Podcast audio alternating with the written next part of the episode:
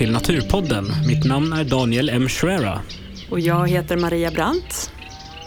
Och eh, idag ska vi väl få höra på någonting lite exotiskt. Mm. I alla fall för Uppland, eller hur? Ja, idag kommer vi att eh, lyssna efter, ja det är nog faktiskt en, en av de mest fantastiska ljudupplevelser som jag har haft i svensk natur. Nämligen vargyl. Så vi drog iväg för att träffa ena riktiga vargylsexperter. Ni var ute med proffsen. Mm, precis. Och det var du, inte bara du, eller hur? Nej, det var jag och Emil. Så ska vi kanske anropa Emil ute i verkligheten? Ja men precis, välkomna hit till verkligheten. Jag står utanför mitt hus tillsammans med vem då? Maria Brandt. Och vad ska vi göra? Vi ska dra iväg och lyssna efter vargar. Hur ska vi göra det? Det ska vi göra tillsammans med Wild Sweden. De är ett eh, naturturismföretag va? Precis, riktiga proffs på området. Ja. Det är sånt här de håller på med mm, ja, nästan året runt ja. i olika former. Men är inte vi proffs? Jo, jo, men det är vi ju. Fast just det där att försöka vara varglyssnarproffs i Uppland. Ja. Det är kanske lite lurigare än att vara i Dalarna. Om vi ska vara snälla med oss själva. Ja, det vet tusan nu för tiden. Men det man ska kanske säga i ärlighetens namn är att de har ju jobbat med det här ja, länge och har såklart. ruggigt bra koll. Så vi vill ju liksom lära oss lite mm. hur man gör, för vi kan inte Nej, och egentligen vi, hur ja, man gör. Precis, när vi man är ju alldeles på i början. Så är ja.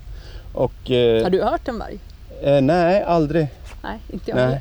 Jag har ylat desto mer. Ja, Många jag har hört nätter. Dig. Ja. Senast i natt så att jag är lite mosig faktiskt. Och då var jag i Uppland men vi hörde ingenting. Men ja, en sparvuggla hörde vi. Mm. Så en hornuggla. Det var ju kul. Ja. Och kom hem för sent. Men eh, inte sova bara kaffe, det heter. Det går nog. Ja, men eh, vi packar ihop oss, drar iväg. Vi har ungefär två timmars bilkörning mm. att göra. Vi ska någonstans i trakten av, eh, vi ska till liksom eh, västra Västmanland. Mm. Nordvästra. Mm. Ja. Men eh, mer exakt vart vi ska, det vet vi inte Nej. och det kommer vi inte berätta. Nej, det blir lite podden. hemligt. Det är ju mm. faktiskt hemligt på riktigt. För av någon anledning så är det där med vargar lite kontroversiellt. Vi eh, kör!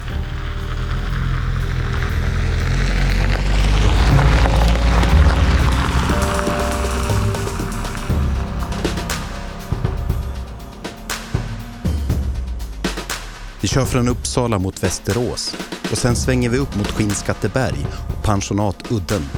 Där ska vi träffa guiderna från Wild Sweden för en genomgång innan vi åker ut i skogen för att lyssna efter vargar på natten. Jag tror de står så. Det kanske är en bil där. Vi står inte där inför dem Vi kommer fram till pensionat Udden med utsikt över Storsjön och Kronön.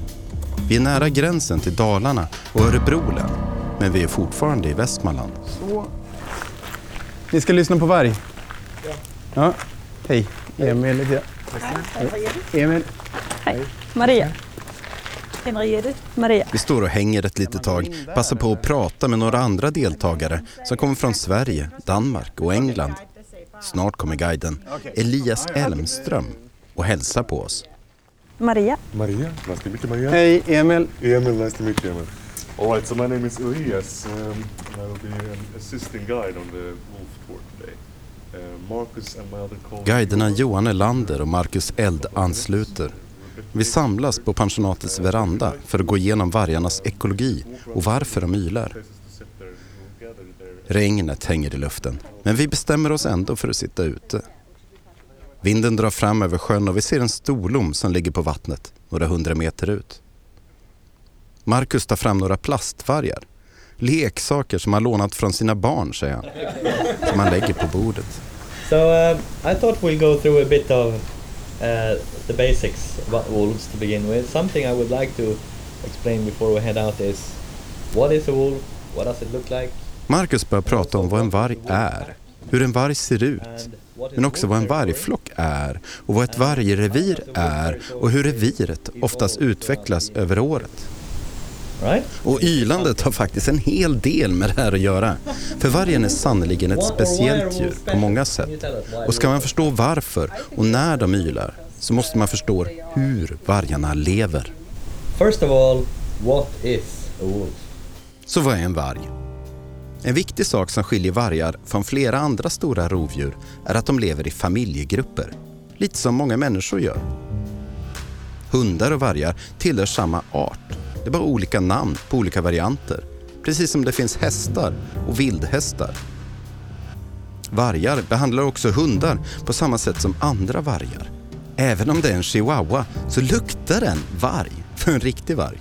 Hur konstigt det än verkar för oss.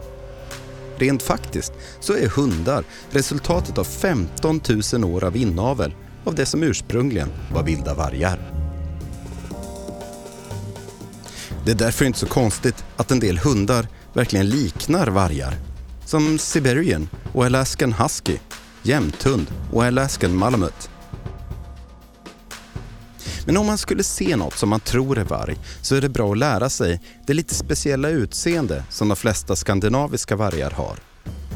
Magen är nästan vit, sidorna gula, ännu mer så på sommaren. Längre upp på ovansidan är de gråare och så har de en svart linje längst upp på ryggen. En bit upp på svansen finns en liten svart fläck, kallas violfläck och oftast har de en svart svansspets.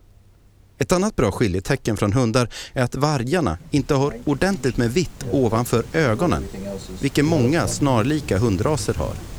Yeah, and wolves and dogs are the same species. It's just two different names, isn't it? Så vad äter våra skandinaviska vargar? Jo, de föredrar att äta älg och då tar de framförallt älgkalv, både årskalvar och fjolårskalvar. Men de kan också fälla rådjur, dovhjort, vildsvin, bäver och grävling. Och de två senare kanske är lite mer som snacks. Valparna verkar också gilla att äta hallon och ibland blåbär. Och vargar äter i stort sett allt på ett byte. Inte bara kött, utan också päls och ben.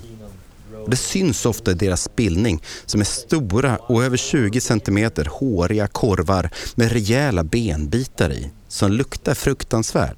Lik och ruttet kött. Nu ska vi få följa med när Marcus leker att ett vargrevir bildas. So here comes a wolf. Han plockar upp en av plastvargarna och börjar vandra runt med den över bordet.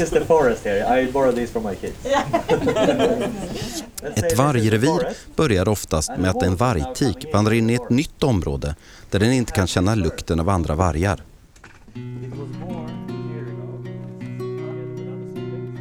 När tiken bestämt sig för platsen så börjar hon kissa stående och lämna krafsmärken och hon bajsar öppet på strategiska platser.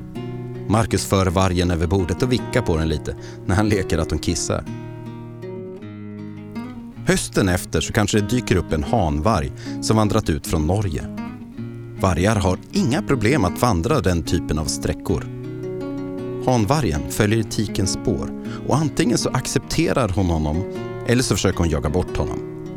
Det händer att en tik fortsätter gå ensam trots att det finns hanvargar som uppvaktar henne. Men nu tänker vi oss trots allt att hon accepterar hanen.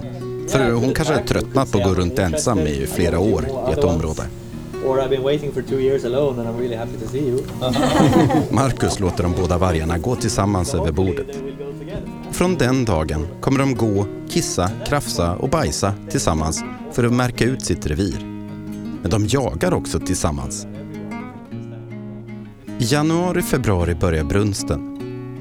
När tiken kissar så lämnar hon också spår av löpblod i snön. Både hanen och tiken kissar stående. Marcus pekar ut över sjön och säger att det finns en mindre sjö bortom berget där de sett spår som tyder på att det är ett vargpar som har parat sig där.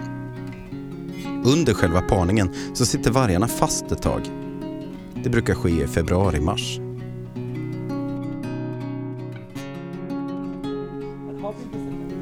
Så hur stort är ett vargrevir? Stort som Danmark?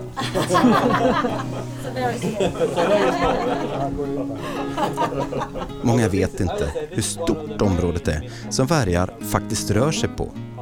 Medelstorleken för ett svenskt vargrevir är 100 000 hektar eller 1000 kvadratkilometer. Det motsvarar mer än 140 000 fotbollsplaner eller en yta på mer än 3 gånger 3 mil. Reviret kan innehålla massor av småsjöar, flera byar, flera gårdar med får och runt tusen älgar. Så hur ska man göra för att kunna få höra vargar yla i ett så stort område? Det svaret kommer lite senare, för det underlättar om det finns valpar. Vårt valppar, som Marcus håller i sina händer, väljer sen ut en plats där lyan ska vara. Det kan vara något som de gräver ut under några stenar, eller i en sandås, eller i ett gammalt grävlinggryt. Men det kan också vara rätt på marken, kanske i skydd av en rotvälta. Men ofta ett område med tät skog där människor inte brukar röra sig. Valparna föds drygt två månader efter parningen, oftast i maj. Tiken är nu fast i lyan där hon ligger och ger valparna di. Hanen går ut varje natt för att markera reviret och för att jaga. Och det måste han göra ensam nu. Marcus tar fram fyra plastvargar till som får symbolisera valparna. Under den här tiden är valparna blinda och hjälplösa. Hanen kommer tillbaka med mat till tiken och snart också till valparna som kommer fram och slickar honom kring munnen så att han kastar upp mat till dem.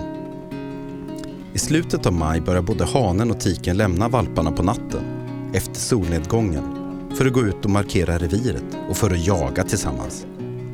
De kommer tillbaka med mat till valparna, oftast någon timme efter soluppgången. Summer.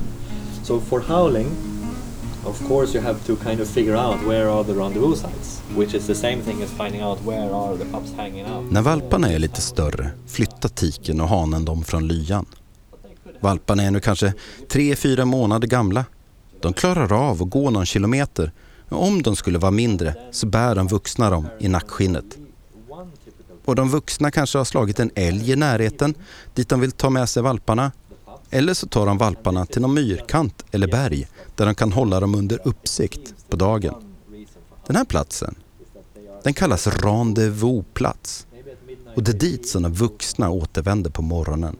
Och det är den platsen som föräldraparet lämnar efter solnedgången. Och den här platsen är väldigt viktig om man vill kunna höra ylande varg på ett bra sätt. Valparna är nu mycket lekfulla de har stora öron och stora tassar i förhållande till sina ganska små kroppar. Ibland kan man höra hur de gnyr och skäller när de leker. Så när är det som vargarna ylar? Jo, det verkar vara så att när hanen och tiken ger sig av på natten, någon timme efter solnedgången, så ylar en av dem, ofta till valparna, efter att de har gått iväg. Kanske när de är en kilometer bort. Och då svarar valparna med sina lite högre ylanden. Det kan också vara så att föräldrarna ylar när de är på väg tillbaka till rendezvousplatsen på morgonen och att valparna då svarar minst lika entusiastiskt. Och om en människa ylar som en varg, då kan valparna svara på det också. Kanske för att de tror att det är någon av föräldrarna som ylar. Kanske för att de blir rädda och tror att det är en annan varg. Men de flesta verkar vara överens om att man som människa ska vara försiktig med att yla. Och det är därför som Wild Sweden gör de här turerna bara tio gånger per år.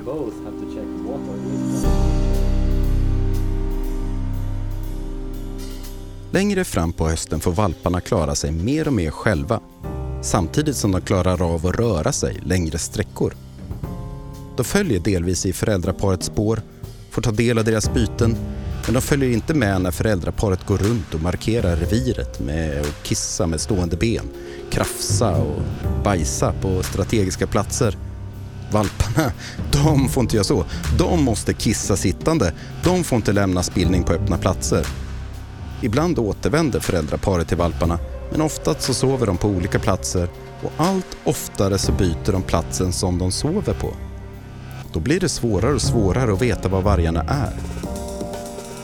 De kan vara var som helst i det stora området som är deras revir. Och då, då är det inte speciellt lätt att få höra dem yla. Can we be ready in 15? Yeah. We meet outside in front in 15 minutes and then we're gonna drive for about Men nu är det dags att sluta snacka, hoppa in i minibussarna och vi ger oss av ut i vargskogen.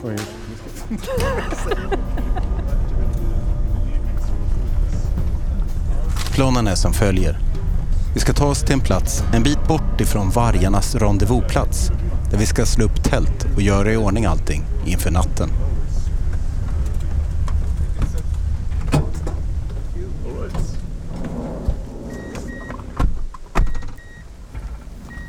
Sätter ut vår landskapsmikrofon på en plats som Marcus tycker är lämplig.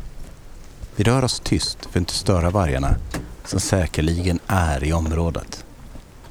Men det är svårt att gå tyst på en grusväg. Så, nu är vi framme på där vi ska sova i natt tror jag. Som en litet vindskydd vid en liten skogskärn. Och det är eftermiddagssol och det luktar så gott av tallbarr som solen lyser på som blir varma. Och så luktar det gott av skvattram också. Det är lite sumpigt på vägen hit men vi kommer att tälta uppe på en kulle eller om vi sover ute får se.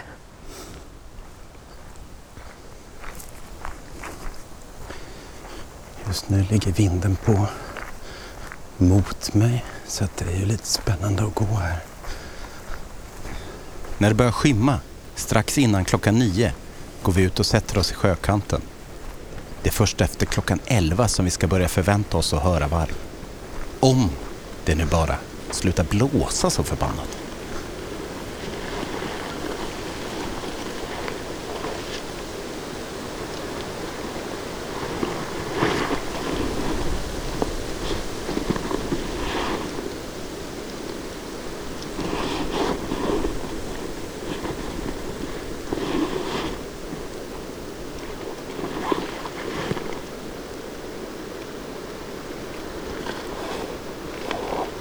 Tiden går och vinden ges inte. Asparna på kalhygget på andra sidan sjön kastar sig fram och tillbaka.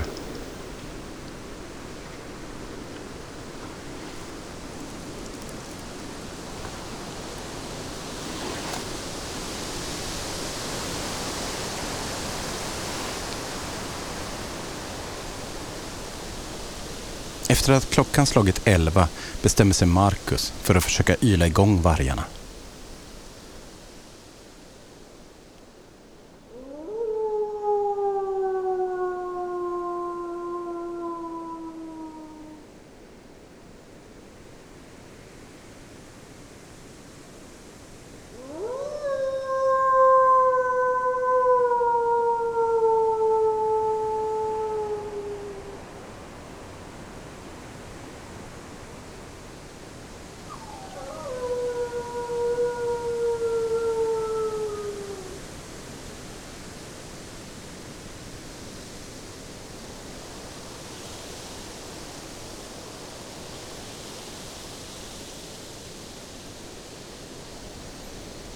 Det är tyst, förutom blåsten då.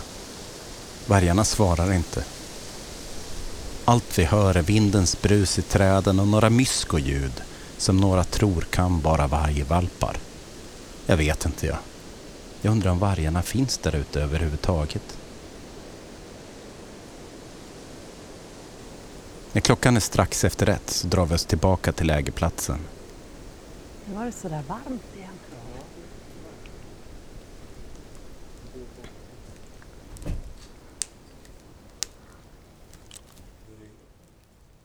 Vi är några stycken som fortfarande är vakna, sätter oss runt elden, tar en öl, pratar lite.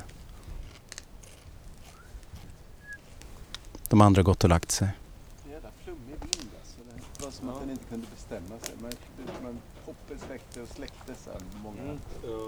gånger. Även då när man tänker att men nu är det lugnt, nu är det tyst här, men då blåser, hör man att det blåser Mm. längre bort. Liksom. Och i parabolen så dånar det ju hela Ja. tiden. Jag vet, jag tror att jag, jag tror att jag sa någonting om att man kan inte styra naturen och vädret. Det är ju som det är. Blåser det så blåser det. Och man kan ju förstå vargarna om de inte har lust att yla när det är sånt väder.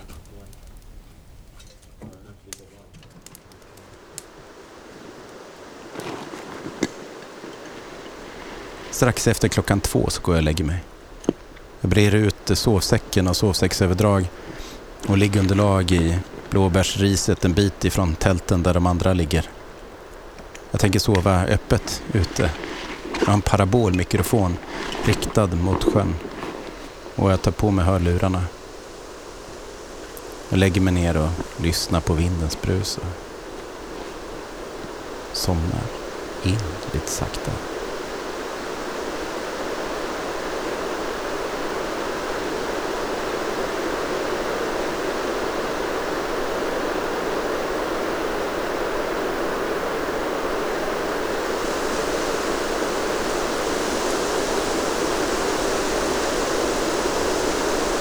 Men bara efter en halvtimme så får jag höra det här.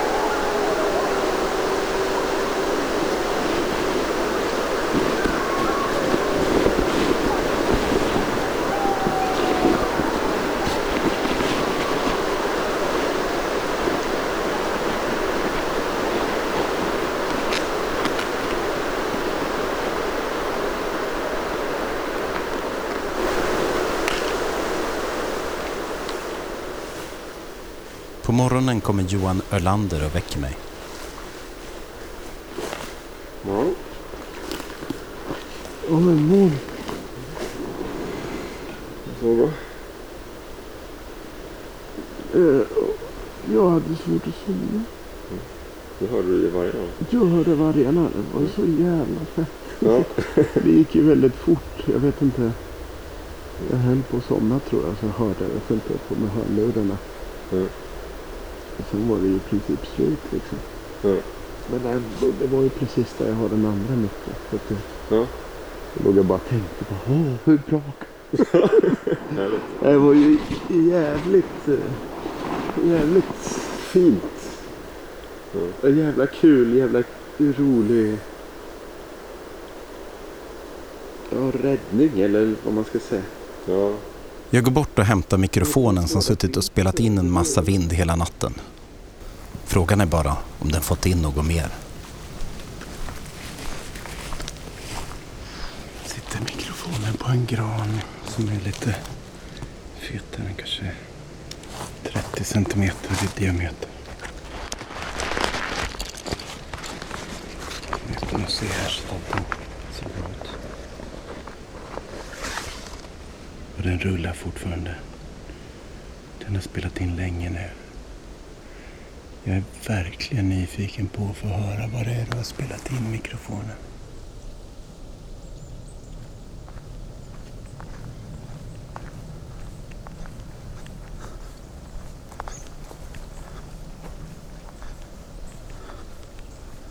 Funka.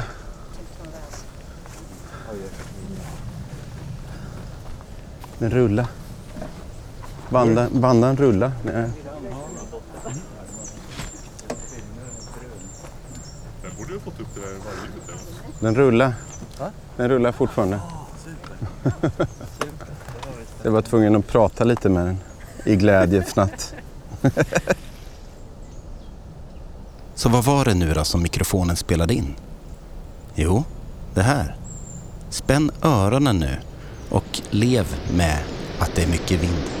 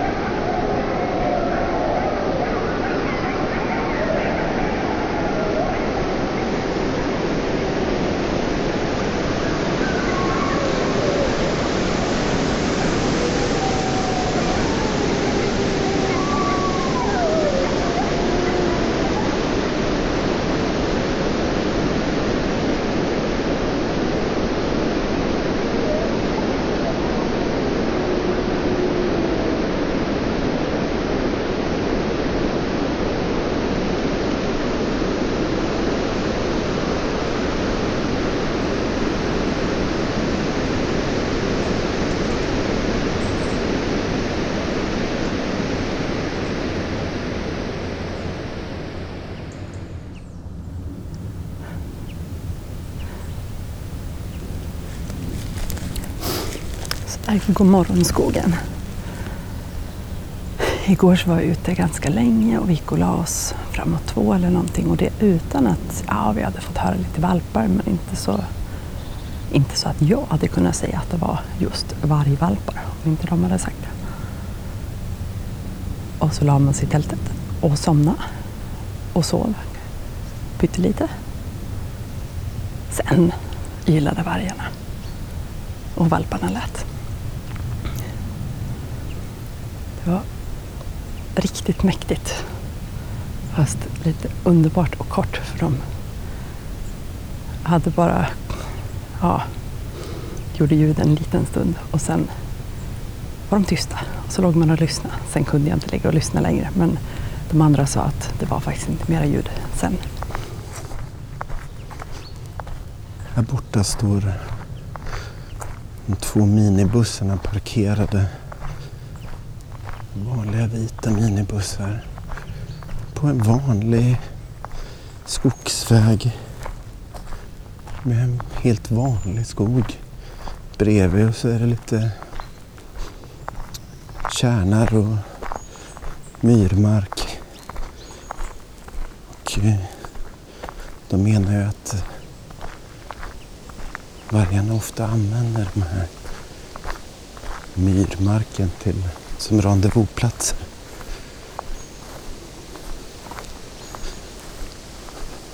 Platser där de vuxna lämnar valparna ett tag när de är ute och jagar för att sen återkomma.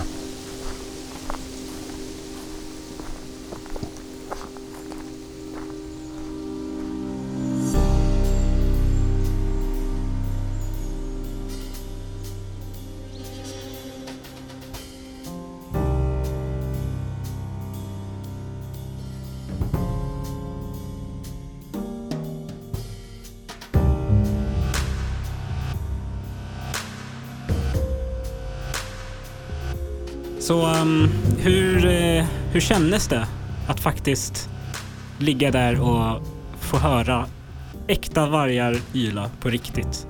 Där och då.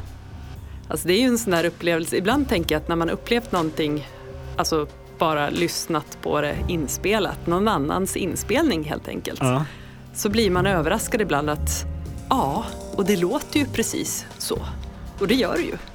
Så. Sen är det på riktigt. Och det är ju det som är så fantastiskt. Och att man är där ute och vargarna är där ute och ja, helt enkelt. Det är inte någon annans utan mm.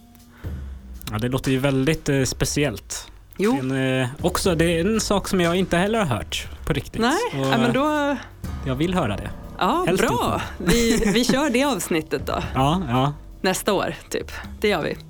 Ehm, och eftersom vi har vargar i Uppland och vi har lodjur och ibland så kommer det förbi en björn.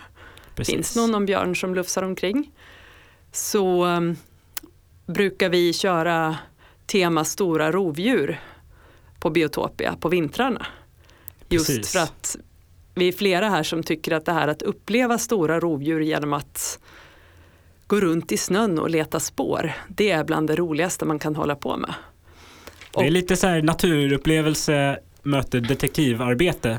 Ja, lite så. Eller man upplever det som man förnimmer det som finns där eller som fanns där för ja, igår kanske. Ja. Eller så. Det är ju inte, ja, det är inte som man kan gå ut i skogen och titta på en varg men man kan i alla fall hitta vargspår. Ehm, Det här rovdjurstemat det kommer starta den eh, 10 november blir det. Och då kommer det vara rovdjur för he- hela slanten här på helgerna. Vi kommer också att ha klart en bok om Upplands stora rovdjur tills dess. Alltså stora rovdjur ur ett Upplandsperspektiv. Mm. Och då är det alltså björn, varg och lo. Precis, inte järv ännu men Nej. får väl se. Får se, några år så Vad kanske vi måste revidera precis. boken. Och sen är det lite grejer som man kan hänga med på också. Ja, det är tillsammans med eh, Rovdjursföreningen och Ja. det är en spårkväll med Jonathan Borling. Då får man lära sig att känna igen rovdjursspår. Precis, och det är den 28 november, alltså en, en av våra öppna onsdagskvällar som det här kommer att hända. Ja, skriv ner det i kalendern. Precis, det måste man göra. Och Och eh, sen har vi dessutom som uppföljare på det, rätt efter den första december, så har Rovdjursföreningen en spårutflykt till Glamsenreviret. Och vill man hänga på den så får man kolla på deras hemsida för att hitta mer information. Ja, det är en riktig utflykt om man ska säga så. Var, var det inget mer på listan? Jo, just det, för vi skulle säga om... Ja, och nästa avsnitt, Ja, ja. Mm. det är ju också lite långväga, eller hur? Ja, det var inte bara långt bort men det var en bit uppåt i höjdled skulle man kunna säga. Ja, kan Det var man säga. uppförsbacke dit i alla fall. Ja, absolut. Vi var med på Fulufjällets, eller Naturum Fulufjällets bioblitz. Ja, det var vi. Och eh, det var ju du och jag som var med, så att då blir det vi igen Ja, som kommer höras. fast det är vi, båda vi ute in action. Ja, Förhoppningsvis så får vi hitta några arter också. ja Det det är väl lite svårt att låta bli på en bioblitz. Ja, precis. Det kommer släppas om en vecka.